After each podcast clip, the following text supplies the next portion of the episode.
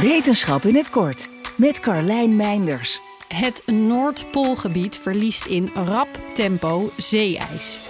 Zelfs in de koudere wintermaanden, waarin het ijs eigenlijk zou moeten herstellen van het smelten in de zomer.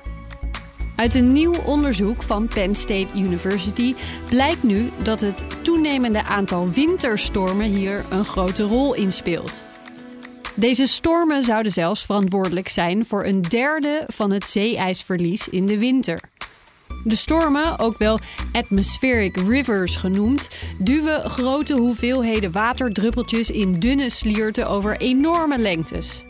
Komen ze aan land, dan zorgen ze voor extreme regenval en overstromingen. Californië is bijvoorbeeld een van de plekken waar dit soort stormen vaak voor overlast zorgen. Met behulp van satellietdata en klimaatmodellen zagen de onderzoekers dat deze stormen flink aan het toenemen zijn in het Noordpoolgebied. Vaak denken mensen wat betreft het afnemende zeeijs aan een geleidelijk proces waarbij steeds meer opwarming voor steeds meer gesmolten ijs zorgt. Hier laten onderzoekers zien dat het ijs ook nog eens met meer extreem weer te maken krijgt, wat een veel explosievere impact heeft. Met effecten die meteen na elke storm al te zien zijn. Het smeltende ijs in het Noordpoolgebied kan veel nadelige gevolgen hebben. Natuurlijk is er de impact van smeltend zeeijs op zeestromen, die op hun plaats weer van invloed zijn op temperaturen wereldwijd.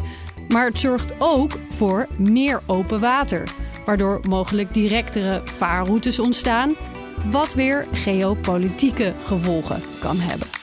Is één minuutje wetenschap niet genoeg en wil je elke dag een wetenschapsnieuwtje? Abonneer je dan op Wetenschap vandaag.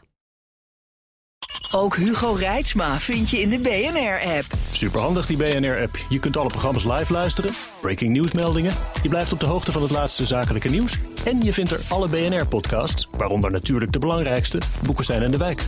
Download nu de gratis BNR-app en blijf scherp.